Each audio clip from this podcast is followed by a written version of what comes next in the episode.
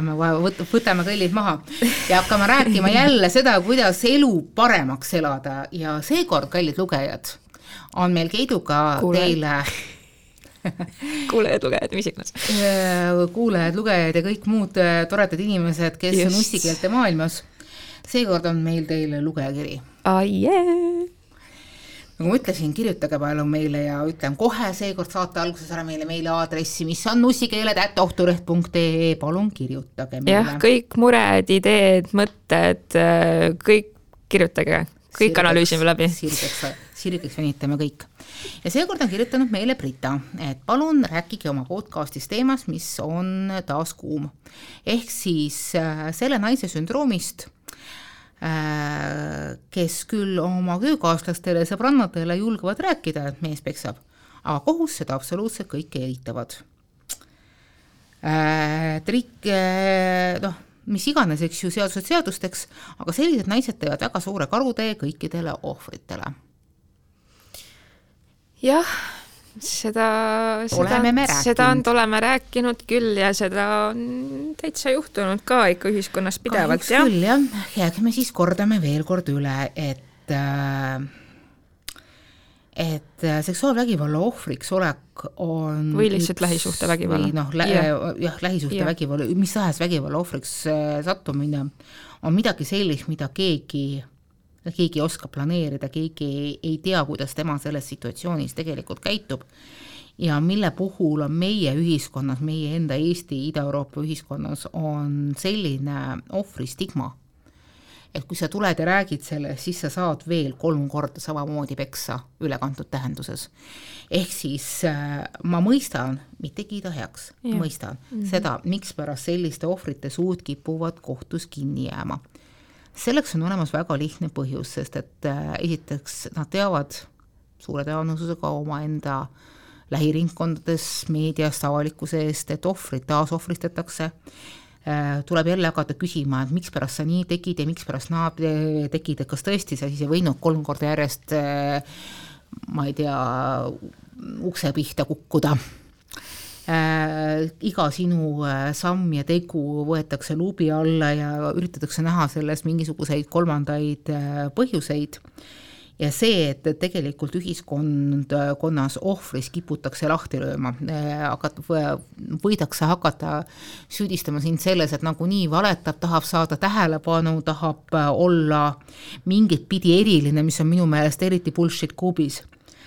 et et, et, selles osas ma saan aru, mikspärast nad jäävad vait. ja ka meie ohvriabisüsteemid selles osas on natukene liiga lineaarsed või siis kauged need ohvriabisüsteemid on olemas, ma ei taha kohe kindlasti öelda mitte ühtegi halba sõna nende meeste ja naiste suhtes, kes äh, tegelevad Eestis ohvriabiga, aga äh, vägivalla ohver peale seda, kui ta on läinud kohtusse, vajab saada hästi-hästi tugevat äh, tuge. ma kunagi rääkisin ühe, ühe inimesega, kes kes samamoodi ei suutnud tulla oma jutuga välja ja selle tulemusena tema ründaja mõisteti õigeks ja ta ei saanud aru, mikspärast ühiskond on tema peale niivõrd vihane, ta sai sellest veel omakorda mingisuguse, mingisuguse hästi, hästi valusa laksu, et, et ja lõpuks ta lihtsalt röögatas, et kas sa saad aru, kõik inimesed ei ole nii julged, et ma julgesin ühe korra tulla ja teha seda avaldust, aga pärast seda, et minna kohtusse tunnistama, seda ma enam ei julgenud, sest ma nägin, mida see teeb mu perekonnaga, mida see teeb mu lastega, mida see teeb minu äh, sugulastega, minu emaga, minu äh, töökollektiiviga, et, et ta ei suutnud seda sammu veel, veel rohkem võtta. et jah me tahame, et, et äh, ohvrid tuleksid välja ja need lood kohtus äh, peaksid, siis me peaksime väga tuge-, oluliselt parendama seda, kuidas me kaitseme oma ohvreid. paraku on iga kuu praktiliselt ilmub Krimilindis, meie enda Õhtulehe Krimilindis lugusid sellest, kuidas äh, ka kinni mõistetud vägivaldurid suudavad organiseerida oma kannatajatele veel lisakannatusi, suudavad neile tekitada emotsionaalset stressi, kui nad saavad vabaks, nad tulevad ja peksavad uuesti läbi, tapavad nad ära, neid juhtumeid on rohkem kui rubla eest, eks ju, ja noh, ma ei mõtle siin äh, siin midagi äh, väikest, et, äh, et jah, kahjuks meie ühiskond on äärmiselt ohvrivaenulik seni, siiamaani ja on küll räägitud ühiskonnas hästi palju sellest, et jah, nüüd lõppude lõpuks need jood, lood tulevad välja, aga kuniks me ei suuda päriselt kaitsta neid inimesi, siis äh, põhiosa raskekahurvägi, mida, millel ei ole akuutseid teisi tunnistajaid äh, lõhkiste peade, surmade, politsei brigaadide ja muude asjanduste näol, kus keegi pole sõna otseses mõttes sassi pekstud, siis jah, nad jäävadki varju ja see on nii kuradi, see on nii kuradi valus ja ebaõiglane. oo oh jaa, tahtmata tagasi tulla selle Amber Heardi ja Johnny Deppa, Deppi teema Depa. juurde, Deppa, Deppi teema juurde, väga huvitav äh, tongue twister ähm,. siis äh, ma natukene jälgisin äh, seda kohtuasja, et äh, ma ei, ma ei hakka nüüd äh, rääkima sellest, kas see, et Amber Heard äh, kaotas, kas see on nüüd edasise naistevastase vägivalla jaoks hukatuslik, et noh, selle ühe nii-öelda kohtuasja puhul minu arust ikkagi tuleks meeles pidada, et tegu oli defamation case'iga ehk siis nagu laimamise case'iga, eks ole ja kui vaadata lihtsalt äh, konkreetselt kohtuasju, siis äh, Tepil oli parem tiim ja Tepp andis äh, kohtus palju tugevama sõnumi, nii et ma üldse ei imesta, et ta võitis, aga see argument, mis Heardi kaitsjad tõid viimaste sõnade all välja, ehk siis see, et ohvrit süüdistatakse justkui, et ta ei ole ikkagi piisavalt kogunud tõendeid, ta ei ole piisavalt suutnud tõendada seda, et teda on pekstud, et teda on noh, tema kallal on vägivallatsetud, eks ole et, et justkui tõesti, et see, kui sa oled ohver, et siis sa pead nagu juba hakkama looma ise mingisugust kriminaal- või kohtu case'i. pead ise advokaat olema. just, pead hakkama koguma rämedalt tõendeid äh, pildistama, filmima, noh, mis iganes, on ju, üles kõik selle, et sul oleks tõendusmaterjali selle kohta, et sinuga on päriselt niimoodi tehtud. sellepärast, et noh, tõesti ka mulle tundub, et äh, et nad kõik need kohtusüsteemid ja tegelikult need süsteemid, mis on mõeldud inimesi kaitsma, on ikkagi eriti selle lähisuhtevägivalla teema puhul väga kolme jalga lonkavad, sellepärast mm -hmm. et, äh, et noh, see justkui jällegi jah, taasohvristab seda ohvrit, sellepärast et äh, kui ohver saab signaali, et sa ei ole piisavalt tõendanud ja me ei saa sind uskuda, siis nagu noh, mida see, mida see ohver nagu siis sellest kaasa võtab, mida, mida ta, mida ta hakkab nagu peale hakkab selle, selle kõigega, on ju. siis ta mõtlebki seda, et nagu persse ma pidin üldse siis minema kuhugi seda kohtusse või politseisse rääkima, on ju. sain veel topeltpaugu, on ju. sest tuletage meelde, kuidas tunneb ennast äh, lähisuhtevägivalla ohver. Ja tuletage meelde, mida see tegelikult tähendab, see tähendab seda, et, et sulle on kallale tulnud inimene, keda sa siiski hoolimata igasugusest muust draamast oled pidanud mingisugusel ajahetkel ja võib-olla veel sel ajahetkel mingit pidi endale kõige lähemaks. ja kui sulle teeb haiget inimene ja väga räigelt teeb haiget inimene, keda sa tegelikult peaks armastama, kes tegelikult peaks sind armastama, siis see on selline hingepurustaja. Oh,. et sa ei suuda sellest välja tulla. Ja sellest esimene signaal võibki olla see, et, et sa ei suuda sellest rääkida, sest et see häbi, see häbi matab su. Ja see häbi ei ole mitte selles osas, et, et appi-appi, mida teised sinust arvavad, vaid see on häbi iseenda ees. Ja see on häbi selles osas, et kuidas, kuidas see situatsioon sai tulla, kuidas see inimene, keda mina olen äh, pärjanud oma armastuse krooniga, eks ju, võtame siin mingisuguse eriti juustuse võrdluse, et kuidas see inimene sai mulle kõri kallale tulla mida see, noh, mida see minust ütleb, et noh, et mida see sellest äh, situatsioonist ütleb. ma tahaks, et see ära läheks, ma tahan, et ma tahan päästa, võib-olla teatud situatsioonis, me ühes teises saates vana, varem rääkisime ka sellest, et see esimene moment, kui sa oled selle ründe saanud, ongi selline, et sa pead ellu jääma, sa pead lihtsalt hingama, sa ei tohi ära surra, sõna otseses mõttes sa võid sellest ära surra.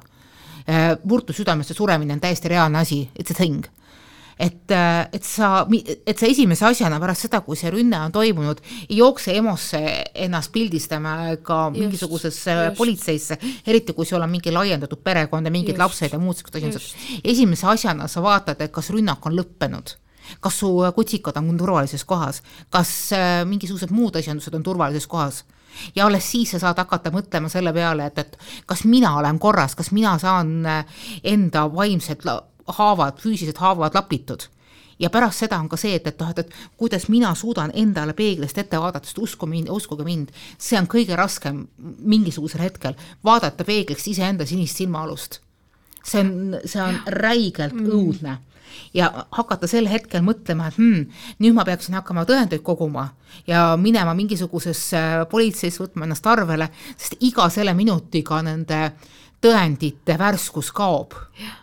Et, et see on, et see, see võib, see, see võib lihtsalt olla niivõrd räigelt palju oodatud inimese käest, et, et ta ei pruugi sellega hakkama saada ja, ja ainuke asi, mida ma tahangi loota, on see, et, et noh, et, et igal inimesel oleks mingisugune tugiisik, aga noh, me ei saa ju arvata, et ühiskond on nii fucked up, et me hakkame looma niisugust kohta, et näed, mul on nüüd vägivald ja mul on mingi tugiisik, sest et noh, see isik peab olema keegi, keda sa tead või tunned, sa ei saa olla mingisugune Äh, külm, äh, külm telefoninumber, jah ja,, ma saan aru, et seal teisel pool on suure südamega inimesed, aga see mm. inimene, kes on ohver, tema ei saa sellest sel hetkel aru.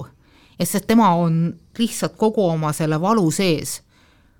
Ja ta võib-olla oskab ja suudab seda abi otsida alles väga-väga äh, mitu aega hiljem. just, ja me oleme varasemalt ka saadetes rääkinud sellest äh, et miks siis need ohvrid äh, jäävad äh, ikkagi nendesse suhetesse, miks neil läheb nii kaua aega, et ära minna.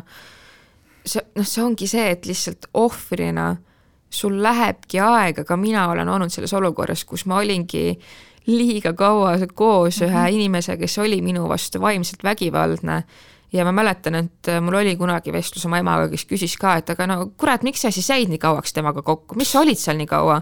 ja ma üritasingi talle seletada, et nagu ohvrina sul läheb väga kaua mm -hmm. aega, et jõuda ise vaimselt sinna punkti, et okei okay,, ma olen nüüd valmis täielikult lahti laskma ja ma olen nii-öelda vaimselt oma armastuse justkui lahti rebinud ka selle inimese küljest, sest et mm -hmm. tõepoolest, nagu sa välja tõid, need inimesed, kes lähisuhtevägivalla, lähisuhtevägivalla all kannatavad, see, kes teda peksab, on see inimene, kes, keda ta armastab, on ju. Mhm. see on uskumatult raske teha selline sada kaheksakümmend kraadi pööre, et okei okay,, see on inimene, keda armastan versus selleks, et see on inimene, keda ma vihkan, eks ole, või kes mhm. on, kellest ma saan aru, kes on nagu täielikult halb minu vastu, selle, selleks läheb aega. ja noh, sageli ongi ka see, et kui sa oled äh, naine, kellel on perekond, kellel on lapsed mm, -hmm. kellel on äh, elamine, majanduslik sõltuvus, kõik on sõltuv tegelikult sellest äh, vägivallatsejast väga-väga raske on ära minna koheselt, väga raske on lahti rebida ennast sealt mm -hmm. ja ja noh, ongi, et meil ei ole neid ka finantsilisi mingisuguseid garantiisi või tugesi, et nagu noh, inimesel, sellel naisel ei olegi võimalik minna kuhugi ära, kuhu ta läheb, kuuse alla siis või?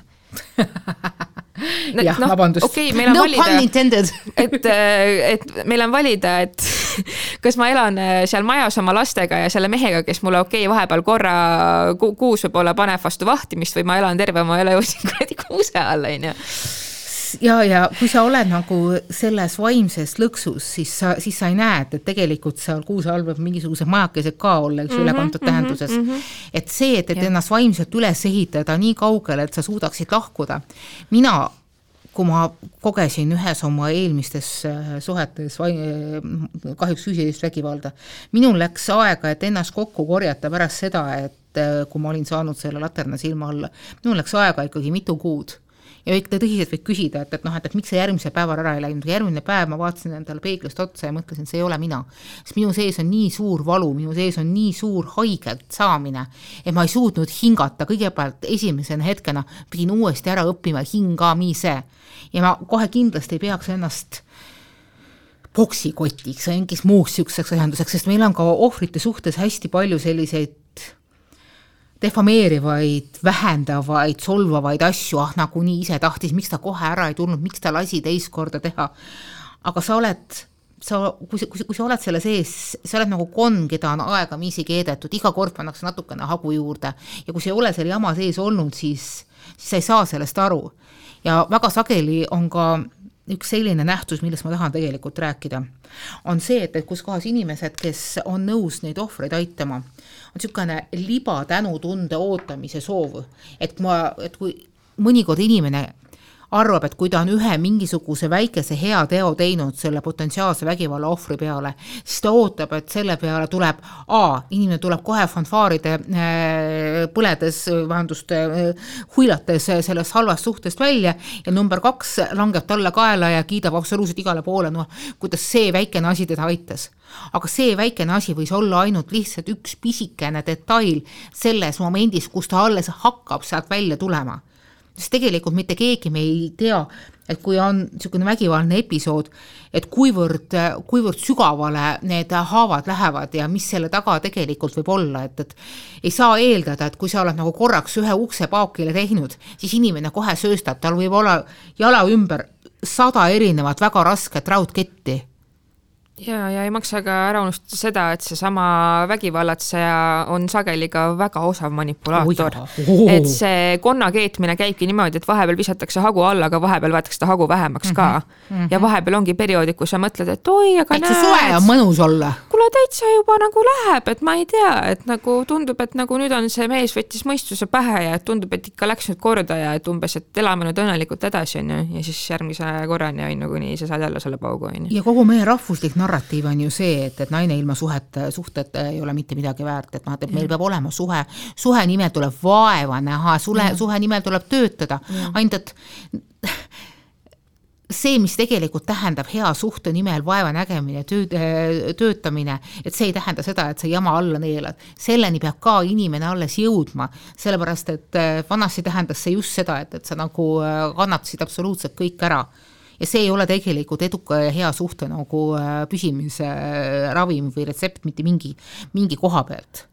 Ja et, äh, et sellised suhted ei pea ilmtingimata hoidma, aga kas selleni peab jõudma, eriti kui sa oled olnud, eriti kui sa oled võib-olla natukene natukene lihtsamast piirkonnast, see, see lihtne ei tähenda siin mitte midagi halba, kui sa oled natukene sellisest piiratud ressurssidega piirkonnas, sul on, sul ei ole võib-olla niivõrd vingeid äh, julged meelestatud sõpru, kui sinu ümber ongi ainult see, samasugused pereemad, kui sinu ümber on inimesed, kes on sama vaesed kui sinagi või võib-olla veel vaesemad, et, et selle, see, see tee välja on igal inimesel väga erinev ja igal inimesel väga raske.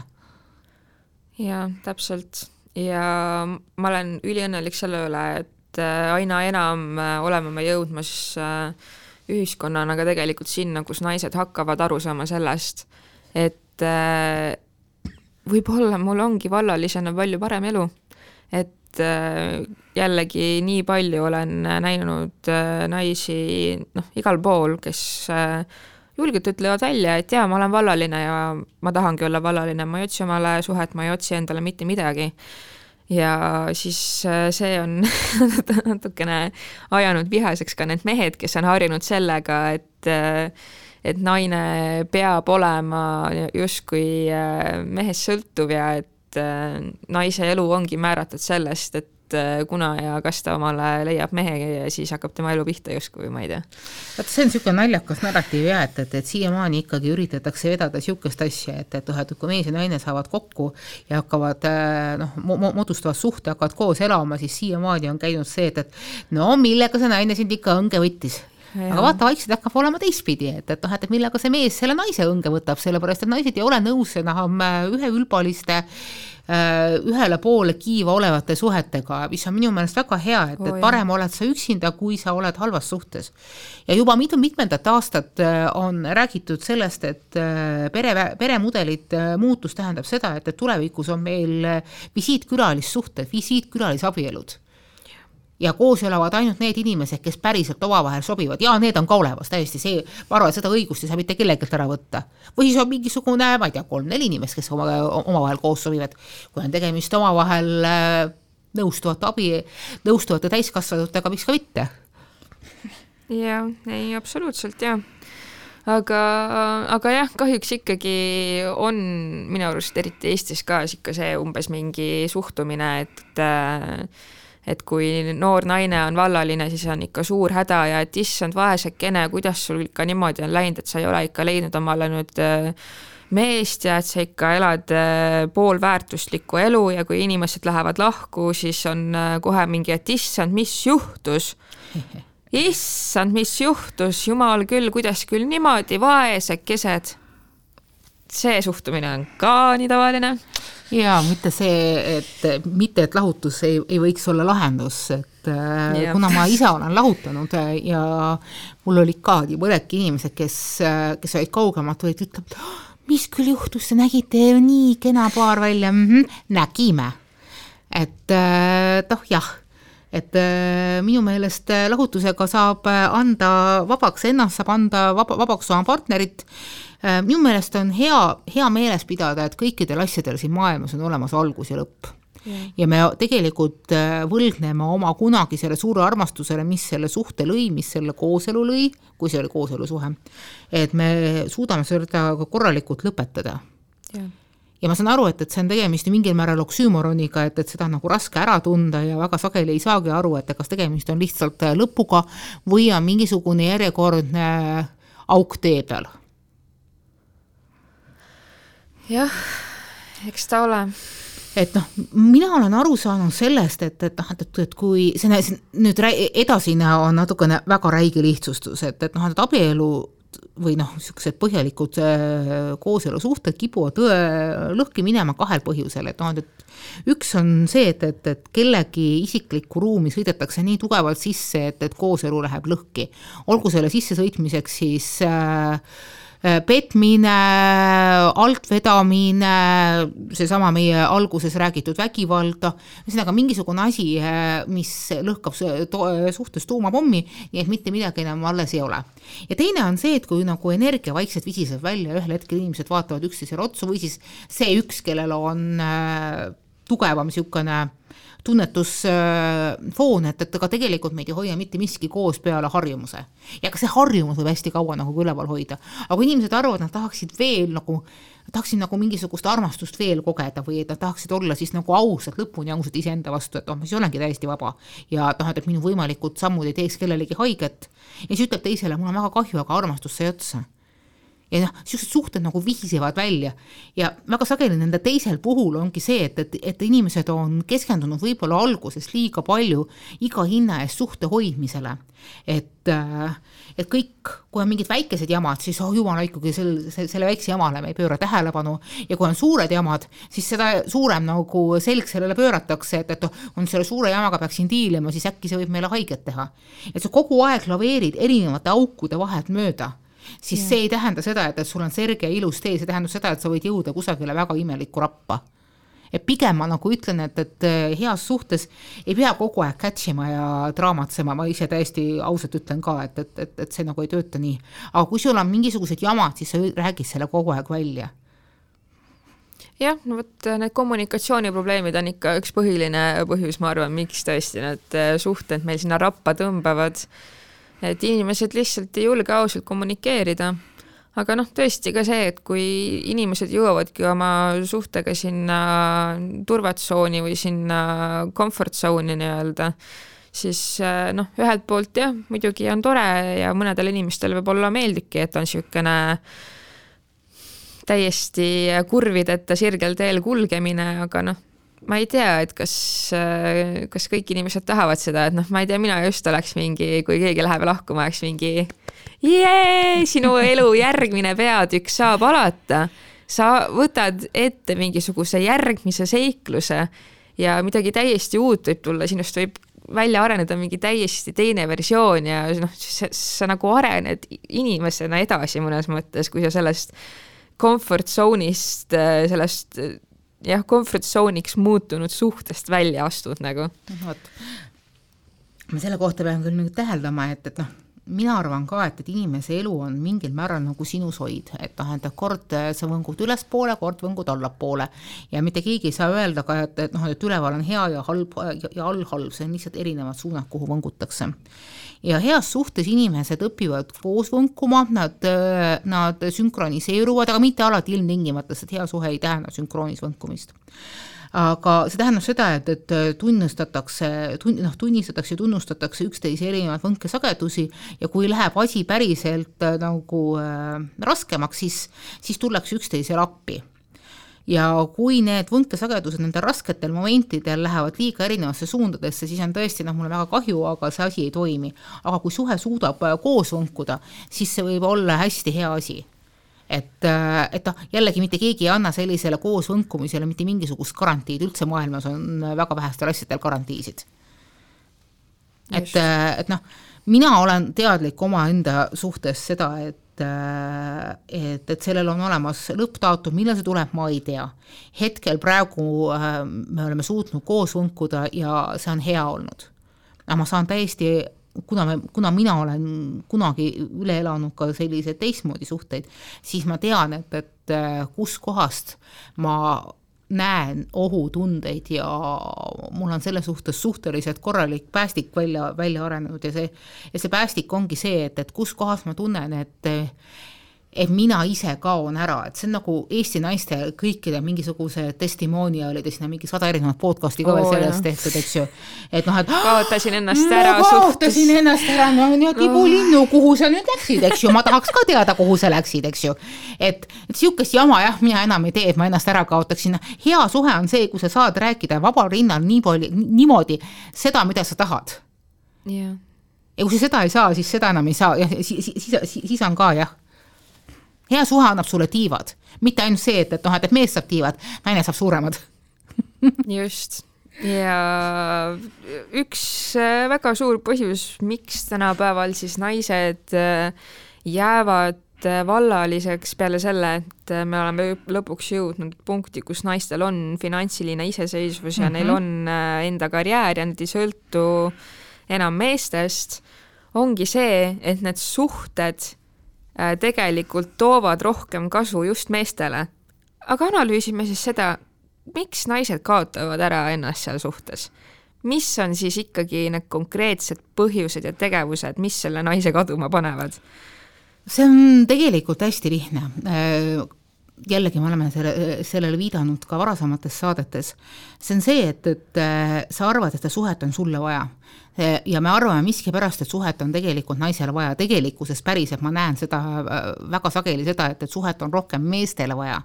aga täpselt. on õpetatud mehi seda mitte välja näitama ja on õpetatud mehed seda äh, varjama ja, ja isegi maha tegema, nagu seda suhet oleks neile rohkem vaja. ja kui on tegemist adekvaatse isendiga, siis ta ise hammustab selle läbi, et, temal on seda partnerlussuhet vaja, just nimelt partnerlussuhet. abielu iseenesest on niisugune naljakas asi, et, et noh, et kes keda aitab, eks ju, see ei ole nagu küsimus aitamises, küsimus on koos ühise mingisuguse suurema noh, energia klapitamises, et, et siin ei ole midagi, mingisugust abi, see on äh, koos tegutsemine. ja noh kord siis kord, kord, kord, kord rohkem üks, kord, kord rohkem teine. ja naiste puhul on ka see, et, et äh, meie niisugune kristlik äh, läänelik narratiiv äh, on ka see, et naine peab olema võr-, võimatult isetu, naine peab kogu aeg iseennast nagu ohvriks tooma, üldse noh, kogu see ohvrimentaliteet on meie kristlikule kultuuriruumile hästi omane, aga just kõige rohkem nõutakse seda naiste käest. ja need legendid on väga visad kaduma et, et, et sellest, sellest tuleb nagu oluline asi. ja noh, põhjus, mispärast need legendid ei kao, on see, et, et, et kõik meie vanaemad ja emad on äh, suhetega samamoodi teinud, pigem pannud ennast teisele kohale ja noh, alles praegu, kusjuures ma ütlen seda neljakümnendates oleva emana, alles praegu räägitakse sellest, et ema peab panema ennast lastega suhetes esmakohale. et kui sina ei pane ennast esimesele kohale ja sina esimesena ei pane endale piltlikult öeldes hapnikumaski suu ette, siis sinu lastel ei ole sinust kasu, sa oled surnud niikuinii et alles nüüd räägitakse sellest, et noh, et, et ema peab olema esmatähtis, aga siiamaani veel mingisugune viisteist, kakskümmend aastat tagasi räägiti sellest, ei no mis mõttes ema paneb ennast esimesele kohale, vaata kust lirva jah, äh, mina arvan, et äh, väga suur põhjus, miks naised ennast äh, seal lähisuhtes ära kaotavad, on see, et see tuleneb jällegi meie patriarhaal, mm, patriarhaalsest misogüünilisest ühiskonnast ja sellest tõdemusest, et mehed ongi harjunud suhtes olema need, kes saavad ja naised on need, kes annavad. et äh, ma ei tea ma olen väga palju kuulnud naisi, kes räägivadki sellest, et, äh, et nad ei taha abielluda ja nad ei taha olla suhtes, sellepärast et nad tunnevad, et see ongi nagu enda mehele andmine, et see, see, kui nad sinna lähevad, see toob kasu rohkem mehele kui sellele naisele. Kuna naisest on eeldatud seda, et naine kokkab, koristab ja hoolitseb oma mehe eest ja laste eest ja kõige eest ja mees on see, kes käib äh, tööl, tuleb õhtul koju, viskab ennast äh, sinna õllepurgiga diivanile ja ja on selle nagu noh, et see on justkui nagu oodatud ja see on justkui normaalsus nagu, et mis mõttes sa nagu arvad, et see ei olegi nagu okei okay. ja reaalsuses ongi see, et äh, neid äh, abielus ja suhtes äh, naisi tähistatakse, neile pööratakse tähelepanu ainult paar korda aastas, siis kui on sünnipäev, siis kui on emadepäev või naistepäev või midagi, tuuakse mingi lillekimbukene, on ju. ja ülejäänud aja lihtsalt äh, eeldatakse sellest, sellelt naiselt, et ta pühendab nii enda füüsilise kui vaimse energia selle, selle suhte ja selle mehe ja nende laste teenimisse see on see põhjus, mispärast kogu minu põlvkond lõpetas äh, üheksakümnendatel, äh, peaaegu kogu minu põlvkond äh, lükkas üheksakümnendatel laste tegemise edasi. sest me ei soovinud seda kuradi, seda, seda, seda tramburaid endale saada.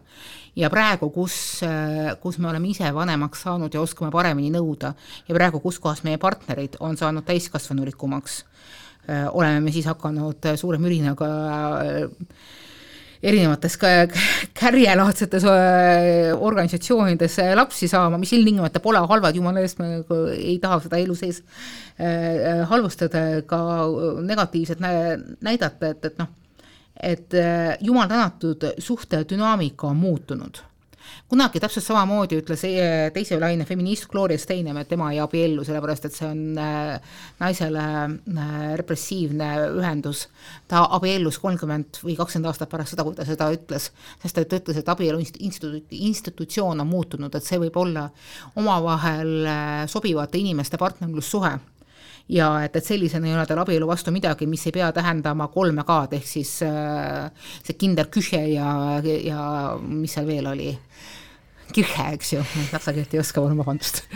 et, äh, et ma näen seda, et, et, et kuidas on tekkinud uus põlvkond noori mehi, nooremaid mehi. ma olen rääkinud mõningate endast vanemate, enda sõbrannadega, kes on viiekümnendates, mina nelikümmend seitse, eks ju. et äh, kes ütlesid, et nende eelmised mehed olid sellised tümikad. ja nüüd on neil, ja nüüd on neil noored elukaaslased. ja noh osad, osad on lahku läinud, osad on uuesti kokku läinud ja nad ütlesid, et, et see, et see, et see mingisugune naljakas vahe või noh, veelahe lendab kusagil just niimoodi kolmekümnendate, neljakümnendate juures. et äh, nooremad kolmekümnendates olevad mehed äh, küsivad, et, et noh mida, mida mina kodus või noh, ühesõnaga nad on täiesti võtavad seda iseenesestmõistetavalt, et nemad ka kodus teevad midagi. ja et, et, äh, et igasugused majanduslikud küsimused, ma ütlen kodumajanduslikud küsimused on mõlema kanda ja et, et äh, otsused perekonnas äh, arutatakse läbi, et see minu sõbranna, kes sai endale kolmekümnendates noore boyfriend'i, kes on näiteks kakskümmend aastat noorem, oli suhteliselt hämmingus, et, et oota, mis mõttes ma ei peagi kõike selle asjandusega harjunud ise tegutsema. tal oli korraks isegi natukene ebamugav, sest et noh, tal oli juba sisse harjunud mingisugused asjandused, aga ta ülima hea meelega laskis sellest lahti mm. -hmm. et, et noh, there is a hope, nagu öeldakse, et kusagil on lootus ikkagi olemas ja et mingisugused mehhanismid ühiskonnas toimuvad, aga nagu ikka kõikide nende mehhanismide juures on see, et, et nad toimuvad liiga aeglaselt. ja seetõttu mina ei pane halvaks mitte ühelegi naisterahvale, kes ütleb, et, et suhtemaailm ei ole minu jaoks ja ma tegelikult tahan olla uhkelt üksi ja rõõmus. ja noh, nagu ma juba ütlesin, minu meelest see ongi mingil määral meie niisuguse individualismi ja samas jällegi suhete paljuluse, meil on niisugune naljakas situatsioon, et ühelt poolt me oleme hästi individualistlikud ja teiselt poolt on meil tohutult palju suhteid, sest kogu see paganama internetimaailm avab selleks mingid meeletud, meeletud, meeletud võimalused. ja selleks, et seda maailma tasakaalustada, sul peab olema sees tasakaalustus, siis see, et, et sa omaenda isiklikku ruumi väärtustad nii tugevasti, et see võib ollagi see normaalne asjandus. Ja teine asi on ka see, või noh, ma ei tea, kolmas või neljas või mida iganes, eks ju, aga see, et, et meil on igal hetkel vaba volik lõpetada see üksikolek ära. keegi ei sunni meid olema suhtes ja keegi ei sunni meid olema üksi. me teeme seda, kuidas meil endale parem on, milles meie hetkel oleme õnnelikud. jaa, aga selles suhtes, et väga tore, et sinu sõbranna leidis endale normaalse mehe samas. no täpselt lahku. okei okay. aga..., nad läksid lahku sellepärast okay., et nad mingisugune hetk leidsid, et, et njää, okay. milleks, eks ju okay.. ei, selles mõttes, et see oli väga amicable, no noh, ühesõnaga see oli väga sõbralik äh, lahkuminek äh,. sõbrannal on juba uued äh, silmarõõmud, kusjuures naljakal kombel tead, mis ta lõpuks tajus? talle meeldib üksi rohkem jep, kahjuks me või kahjuks või õnneks me alati kuidagi jõuame ikka sinna välja.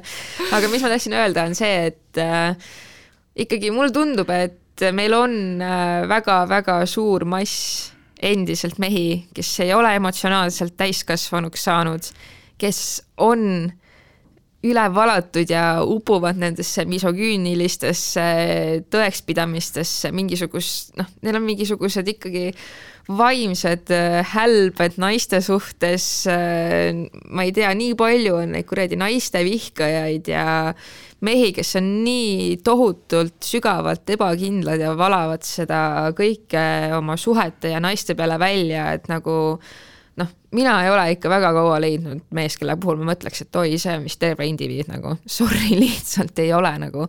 ja selles suhtes, et minu palve naistele ongi see, et nagu palun oleme, palun jõuame lihtsalt sinna ajastusse, kus me enam ei vaata mööda sellest, et mõtleme, et ah, et noh, okei okay,, tal on siin äh, kümne punkti skaalal, ütleme, skoorib äh, neli-viis, et noh, ma siis võtan ära persse kah, ega ma paremat vist ei leia, et nagu palun ärme enam ela niimoodi.